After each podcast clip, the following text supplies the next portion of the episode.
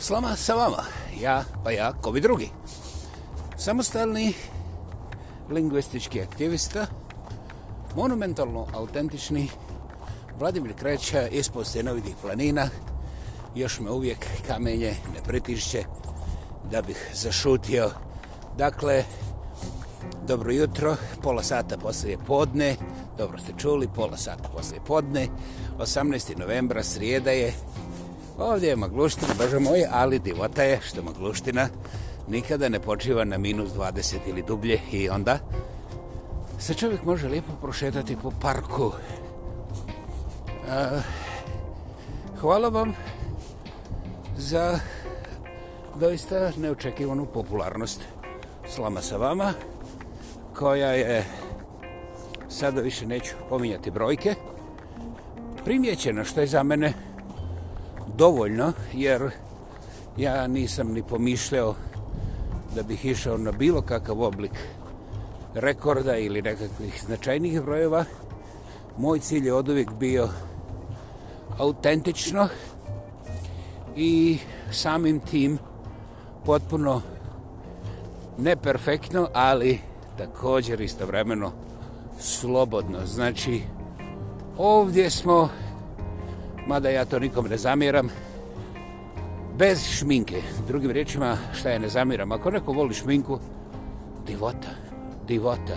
Samo toga ovdje nema i meni je drago da mogu nekim ljudima spasiti vrijeme, jer prenemaganje šminke, laganje, pretvaranje i prikazivanje ovako, a u stvari onako, nje, baš ovdje nisu na jelovniku i naravno da ja kao autor i izvođač činim sve da tako i ostane. Dakle, još jednom hvala vam jer ipak u dvoje je ljepše zar ne i u društvu je hej, gotovo ljepše sve. Zato je meni drago što imam društvo, međutim ja društvo nisam tražio jer upravo se liječim od cijeloživotne rasparotine na mome duševnom zdravlju gdje su prije svega moji najbliži uvijek bili zgranuti to još uvijek nije dovoljno jaka riješ za njih koliko ja mogu pojesti vjerovatno kao četiri slona ovaj, s tim što se ja nikad nisam takmičio sa slonovima ne znam zbog čega to nećemo objašnjavati. Dakle, ja grozomorno puno žderam. E, da li nekom palo na pamet da jedem? Ta, šta je znam, desilo se i to vjerovatno nisam primijetio.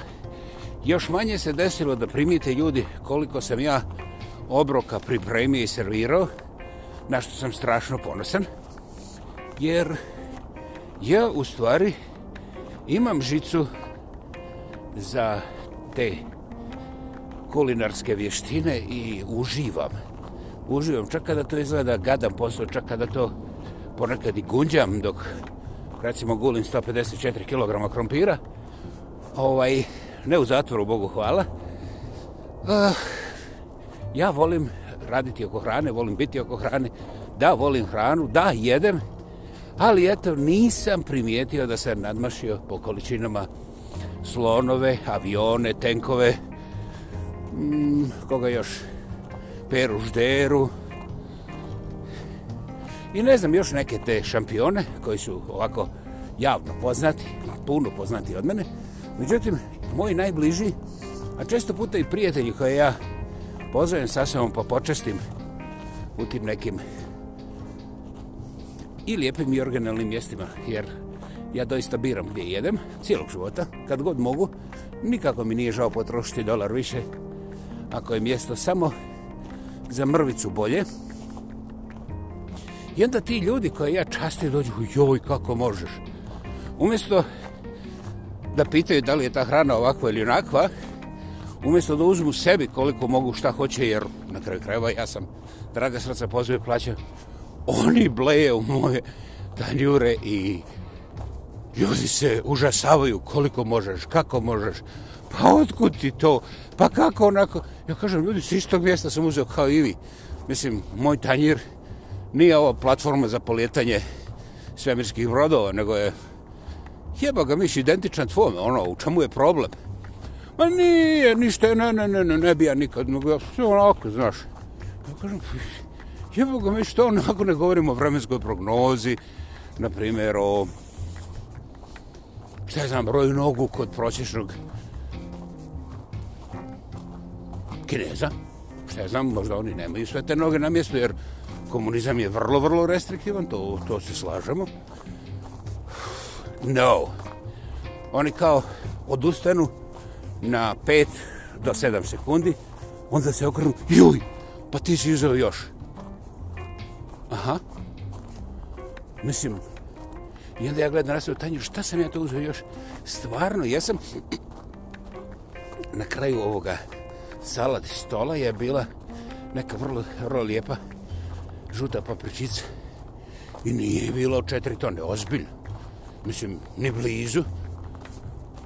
Ne znam. Ali čovac je ono primijetio bolje od elektronskog mikroskopa. Zgm! Zamisli, ja žderonje pa sam uzeo još papričicu nakon što sam tamo uzeo ovoga jedan steak. Wow! A, dakle, postojalo je nešto u meni što je cijelo života izazivalo ljude u mojoj blizini. Kažem, najviše vjerujem da je to zasluga mog dragog oca, koji su, kad ja dodirnem hranu, odmah padaju u nesvijest. Kako ja toliko mogu i ono, kako proživim. Sada neko ko me ne pozna, ko ne zna ništa ovog, od ovoga i ko me nikad nije vidio, pomišlja da ja vjerovatno tu negdje oko 297 do 296 kila. Jeste, jeste malo rikvrc, nastavim da omršavim. I ovaj, kada ja onda tim ljudima kažem, znaš, ajmo sljedećeg tjedna u planinu, oni kao, aha, i ovaj, i onda vide koliko ja tu prođem i kad se malo zapušu, znaš, onda su potpuno zaboravili šta su ti jedan dana prije toga. Joj, koliko jedeš? I onda, ovaj, kažu, joj, pa ne možemo mi toliko, znaš, nismo mi više tako mladi.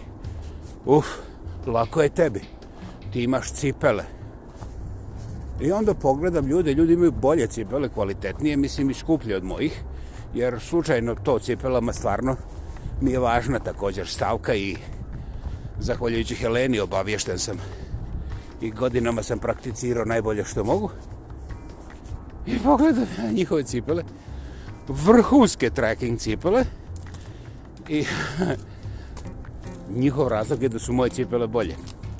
Meni dođe da im dam cipele, ali to je moment kada meni, kada je meni ovaj stvarno odvratno da pomislim dalje o bilo čemu, jer znaš šta je ono kao, evo ti moje četkice za zube, ima dvije, tri, dvije, tri dlake više, pa će možda opratiti laktove, ne samo zube. Dakle, ne dolazi obzir iz tih nekih seljačkih razlogova, a to su sve građanovi ovi sa ovim tim observacijama i moćnim riječima koje su sve redom na mjestu, samo sam ja kriv. Dakle, nesomnjivo je da je ovo frustracija. I ja ne mislim da je to frustracija samo za mene. Frustracija je za ovu gospodu koji, znaje, koji znaju toliko puno i koji su nevjerovatno ovaj, precizni, precizni od pomenuo sam toga elektronskog mikroskopa. Jer oni su se uvijek družili sa vrlo preciznim ljudima koji nikad nisu pojeli jedan steak ovaj, za ručak, jer mislim, to je skoro 300 grama mesa, znate. I ovaj, Normalno da je to za njih strašan stres, ja to mogu pomisliti. Ali eto, ja sam platio, pa valjda bi to trebalo biti olakšavajuće. Ne ono da bi daju nekakav popust na promatračke sposobnosti njihove, jeli, i verbalne te, verbalna upozorila. Nego onako da se oni osjećaju slobodnije. Međutim, ne, to se ne dešava, zato što oni to isprazne, ja im to dam, i onda se osjećaju vrlo nesretnim jer nemaju 47 razlog kojim bi objasnili još bolje ono što su već tako brutalno sasuli u facu. I onda oni se pitaju kako je moguće da su toliko pogrešili, jer oni, mislim, kad su zadnji put srali neku budalu koji ne mogu naći 47 mana? Dobro, 46. Mm, I to ćemo uzeti u obzir. I ovaj, tako je došlo do, do inicijacije ovoga podcasta gdje sam ja ovaj, poželio ljudima sve najbolje, onako u sebi tiho, jer nema šanse da otvorimo tu diskusiju. Mislim, ono, zašto da pravimo taj šest, šesti svjetski rat, o kome sam ja već rekao da nije slučajnost, mislim, samo ljudi ne znaju. I ovaj, ja sam se okrenuo i otišao, ne baš u mrak, ne, ne, magla, magla gusta, pa onda Josipa Lisac, pa onda valjda Dunav Sava Drava, šta je znam, pa onda magla, pa onda gusta. To je dovoljno, idemo dalje. Onda sam ja tako ovaj, pojao jedan obrok i kad sam naručio, ovaj, ja sam mislio, pas će ono konobarice unesu, jer ja sam naručio cijeli steak, ozbiljno. I ovaj, i pošto to nije bio švedski stol, ja kažem, dajte malo ovoga povrća i ovaj, kaže on, jel krumpir jedan? Kažem, da, pečen u redu. Ovaj, pita me, hoćete li sour cream, razumiješ, ono, da mi se malo bijele vrhovi krumpira pečenoga? Svakako. Svakako. I kaže, još nešto? Ja kažem, ne znam, možda sam zaboravio, zaboravio prtljak na autobuskoj stanici, ali tamo nema ništa za jeste. Dakle, ako bih ja mogao dobiti ovaj steak koji sam već poručio za jednu pola sata, tako da ne čekam da doručka, ja bih bio sretan, ono se nasmije, onako ljubazli, odi i donese to, mislim, baš po redu. I nijedan put nije razgoračilo oči, koliko ja to puno žderem. Onda mi se desilo da sam nakon dva, tri dana otišao također u jedan pristojan familijarni restorančić gdje serviraju uglavnom doručak, imaju palačinke, imaju jaja na oko, jaja bez oka, ovaj, čaja, jaja, imaju razne vrste i tako dalje. I naručim ja ovaj tako doručak, kaže ono, kako hoćete, kažem, pa šta se ovdje najčešće da kaže klasik, Canadian breakfast. Ja kažem, hoće li to biti malo za mene? Kaže, ona mene ovako ošuće i kaže, znate, rijetko ko traži još kad naruči taj klasik Canadian breakfast. Ja kažem, ali znate, meni svi kažu da ja jedem slonovske količine. Kaže, gospodine, vi se sa mnom šalite. Inače, gospođa je ljubazna, 50-60 godina, vjerovatno je cijeli život provela u toj kuhinji. Dakle, mogla bi nešto znati o procjeni ljudskih i žderačkih kvaliteta ovaj, i kapaciteta. Uglavnom, ja kažem, ako ste vi sigurni da, da ja mogu da samo sa jednim klasik Canadian breakfast proživim, mislim, onda u redu. Inače, ovaj, imat ćete me na duši, mislim, ako ja neuhranjen odem iz ovog restorana. Ona se uljudno nasmije, čak ni nije primijetila nikakav oblik cinizma u mome stročno-naučnom izlaganju sa laprdanjem i ode i donese mi taj klasik Canadian.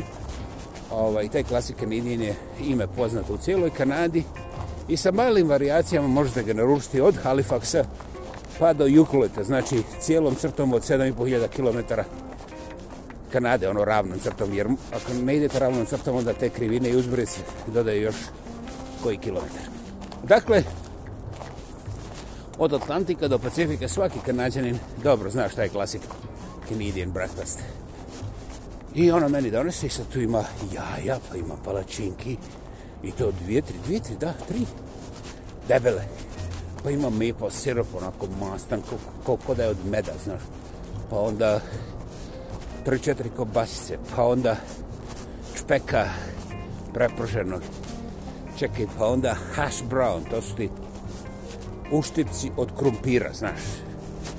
Mislim, ali to je ovako zahvalan komad, ima ih dva komada. Pa onda, onda da, ima tost. Šest komada tosta. Pa onda donijeli su pekmes, peanut butter, jelly, butter. I normalno onda ide ovih sosove što ti donesu nešto. I ja, ja se nisam prepao, mislim, ja sam junak. Ja sam znao da će to biti žrtvovanje i nisam pobjegao. Nego sam junački navalio, da im pokažem ko je peraždera. Međutim, iako je bilo slatko i vrhunski, nisam, nisam uspio polizati tanjur. Čak tanjur nisam ni gricno, ni slučajno. I gospođa pita, hoćete li još? I ja umalo da je potjeram u da li sad prnjavor ili brčko, ne znam, ali sam se suzdržao da joj ne bi slučajno geografski presuo čašu i oduzeo previše vremena, jer ima još neko iza mene čeka da dobije doručak. I nasmijem se i kažem, gospođo, hvala vam za savjet, bili ste u pravu, evo, ja nisam mogao pojesti tanjur, ne znam zašto, valjda, vjerojatno što je kineska jeftina ova glina, heker, amek ili šta ja znam. I ona se opet ljubazno smije i donese mi račun.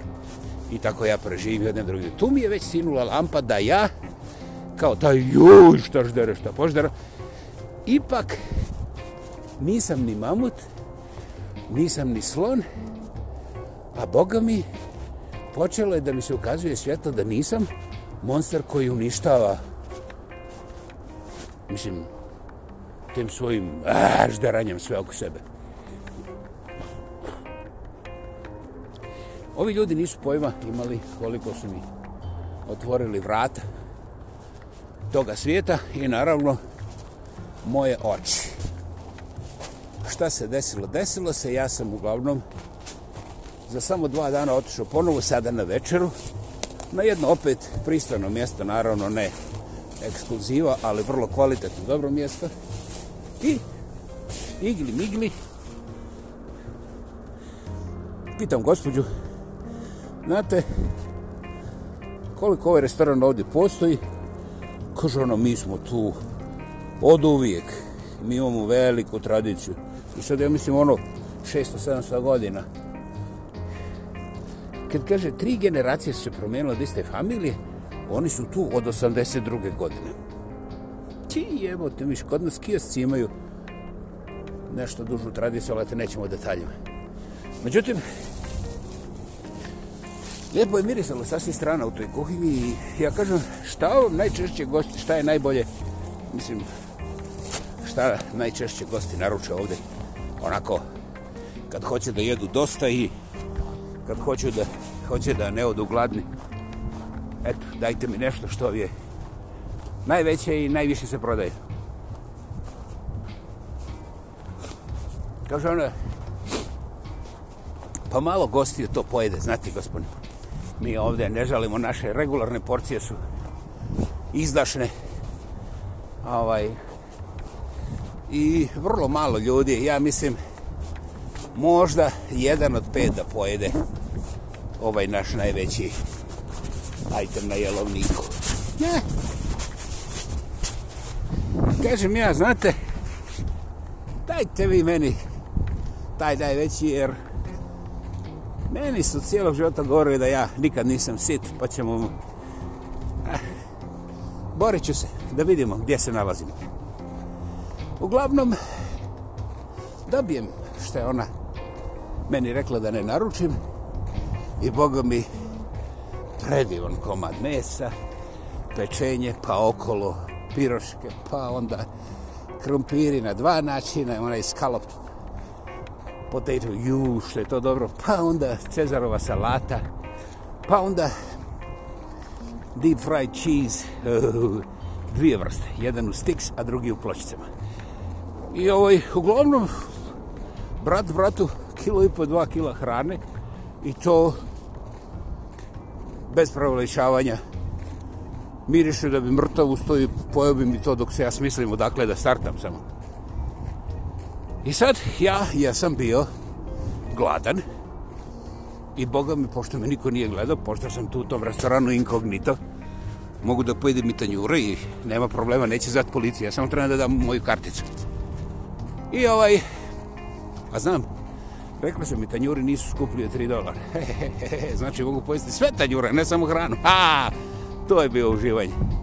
I ja tako lijepo opušten i pripremljen, počnem da jedem i nakon gotovo sat vremena, znaš, lagano uživanjcije i te stvari, gospođa, gospođa mi donese dva, tri puta, ovaj, dolije mi sok, ja kao neću, štedim, kaže ona, pa koliko god popijete soka, to je uvijek samo jedan sok, takva cijena kao ono, fill up se ne naplaćuje.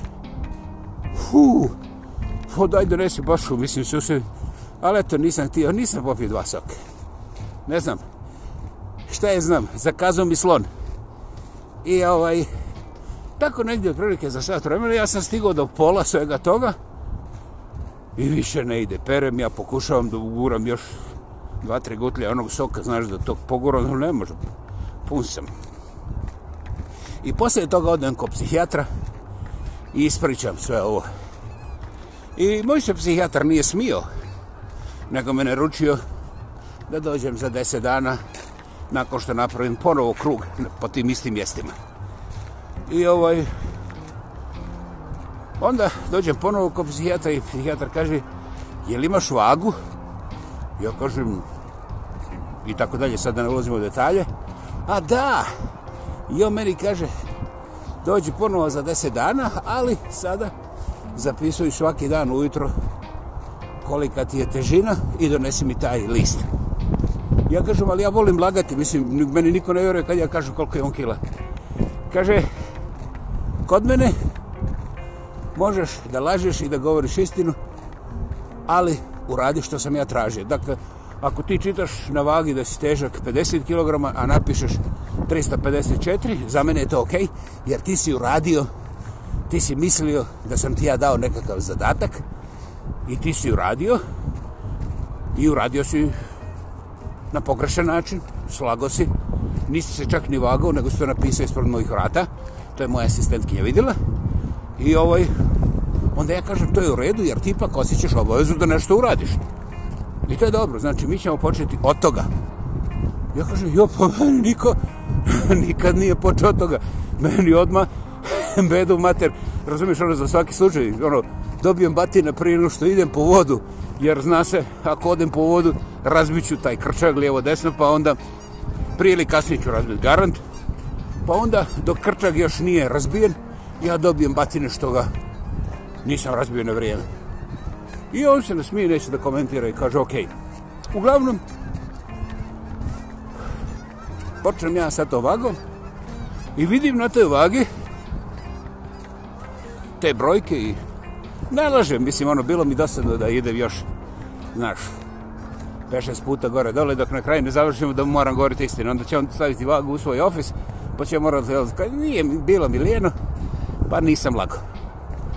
I onda on meni postavi te brojke na komad papira i kaže, jel vidiš, ja kažem, vidim šta, pa kaže, ove brojke, ja kažem, brojke, jeste, to su moje brojke, to sam ja napisao, kaže, odlično, odlično, kaže, interesantno, ja mislim da ti nisi lagao, jer ovo na ovim brojkama i to što ja vidim na tebi je nekako konzistentno, ovaj, i ja mislim da si ti uradio dobar posao. U, jebote, ja mogu sad da dobijem Nobelovu nagradu? Kažu, razmotrit ćemo, razmotrit ćemo, daćemo predlog, ali sada, da li možeš da zaključiš nešto iz ovih brojka? Ja kažem, pa da ih zaključam da ih više niko ne vidi, jer niko ne vjeruje da sam to ja. Kažem, to baš i nije umljačka ideja. I onda nakon još 2, 3, 4, 5, 6 susrtanja, meni padne na pamet da ja nisam super žderuća zvjerka koja užasava ljude oko sebe. Nego, obzirom da ne pripadam super teškašima nijedne vrste i da me svi ovi nepoznati nisu ni slučajno zaustavili da mi se zgranu u facu kako ja da mogu toliko da žderem. Možda sam stavio toliko. Odkud ti, vrate, toliko apetit i te stvari, to nisam čuo nikako. Mislim, glupi ovi ljudi, ovi nisu pametni kao ovi naši, znaš. I ovaj, ja sam stekao naviku da mjerim sebe i onda sam primijetio nešto što ne bi vjerovao nikome, a vi ne morate vjerovati meni, pa opet niko nikom ne vjeruje, to je divota. To je odlično. Onda se nećemo nagađati ili jeste ili nije. Ali ja ću vam reći šta je, ne vjerujem. Meni je težina prvo počela da ima manje oscilacije, ono gore dole. I onda kad sam se okrenuo ovako prvi mjesec nazad, ja vidim da sam blago, imam blagu tendenciju prema dolje. Gubim težinu. Ništa dramatično, ali gubim. Ja mislim što si, eh, ko zna slučajnost, pa gledam drugi mjesec, pa gledam treći mjesec i onda odjednom primijetim da moja hrana slana, slatka, topla, hladna i kad idem jesti više, nemam ono cijeli jedan riječnik koji daj mi Bože spasi riječi, znaš št, kako ću se pobići, pa što jedeš toliko, toga jednostavno nije, nema. I onda sam ja dobio priliku da primijetim nekoj hrani koje nisam prije ni pomišljao, jer, znaš, uzima dva koraka dalje, uzima još jedno objašnjenje. Ja sam počeo da jedem raznovrsnije. Ja sam počeo da jedem kvalitetnije.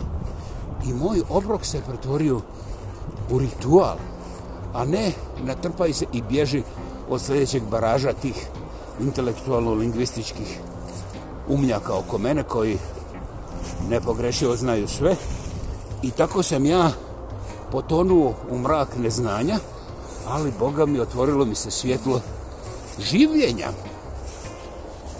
ja sam postao živ i moja hrana je postala ukusna čak i kad nema semfa čak iako slučajno nisam ništa zasladio uglavnom moja hrana je sve više postajala hrana a sve manje oružje u nečijim uglavnom tuđim rukama i ima još jedna setnica ti plaćeni obroci ovima koji su znali da sam ja žderuja su se smanjili na neku vrlo, vrlo gotovo nevidljivu brojku, a u mome džepu se pojavio nekakav takozvani likvidni materijal u obliku novčanica koje su prije isparavale na ove moje još da ideš toliko. Ovaj, eto, tako sam ja od žderonje ovaj, postao pacenik ili plaćenik ili nešto, to bi oni tako vrlo dobro objasnili, ali ja ne mogu. Međutim, ne pada mi na pamet da se požalim, Bogu hvala, i ovaj, jeste, ja uvijek volim imati obrok u društvu, to je nekako, šta ja znam, dio mene. Međutim, kada se sjetim šta mi društvo uradi za obrok, onda ja bez ikakvih problema vrlo ugodno planiram obrok za sebe i Boga mi to bude obrok, a ne dokazni ili ratni materijal za nekakve verbalne, pa onda redom emotivne sociološke baraže koji nemaju šansu da se razriši ni na, ko, ni na koji način. I u stvari, suma sumaru, zdraviji sam. Dragi moji što ste bili sa mnom preplošeni, hvala vam što ste me maltretirali zadnjih 50 godina.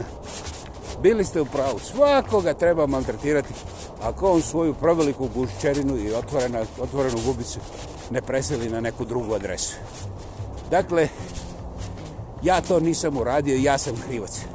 Ja sam se sudio pred vama, čak i za svoje pare, jesti i to je odmah žderanje, to se zna, vi ste u pravu, ja sam 100% u krivu i čim sam prihvatio krivicu, Bog mi je dao pomilovanje u obliku zdravlja, mira, a da, i onog psihijatra, više nemam potrebu posjećivati svakih deset dana. Hvala vam. Ova priča eh, je uljepšana.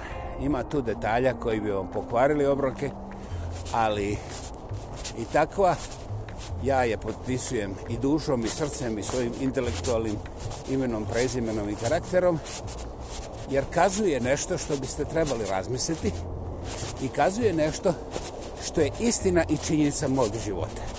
Ja sam čovjek koji je u 60 godina svog života ha ja ne znam tačan broj, ali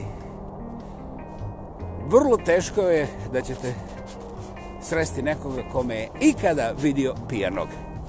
Dakle, to je način da vam kažem da ne pijem, da recimo prvih 25-27 godina života nisam popio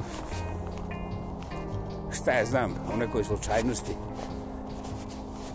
Jedno, dva, tri piće doslovce tako, možda. E, kasnije, kada se stvar približavala ratu, ja sam počeo pušiti i tu i tamo pijuckati, ali nisam imao stomak za alkohol, a još manje za alkoholičare, jer imalo, bilo ih i u mojoj familiji i ovaj, alkohol ja nisam ništa epski uradio nego jednostavno, ga, jednostavno sam ga zaobišao i ovaj nije mi to predstavljalo nikakav oblik zalaganja, smaganja i ko zna čega. Dakle, ja sam bio svjestan šta mi se dešava u životu, jer nisam koristio ni drogu. Da li je to svjesno komuniciralo sa mojim intelektom, pa onda ponašanjem, to je kao i kod vas otvoreno pitanje o kome je besmisleno govoriti ukoliko nemamo nekakav konkretan cilj šta ćemo s tim razgovorom učiniti hvala vam slama sa vama, Vladimir Kreća iz Postinovitih planina Majestic Rocky Mountains još jednom ovaj put ekstra dugačko ali Vjerovali ili ne, provjerite.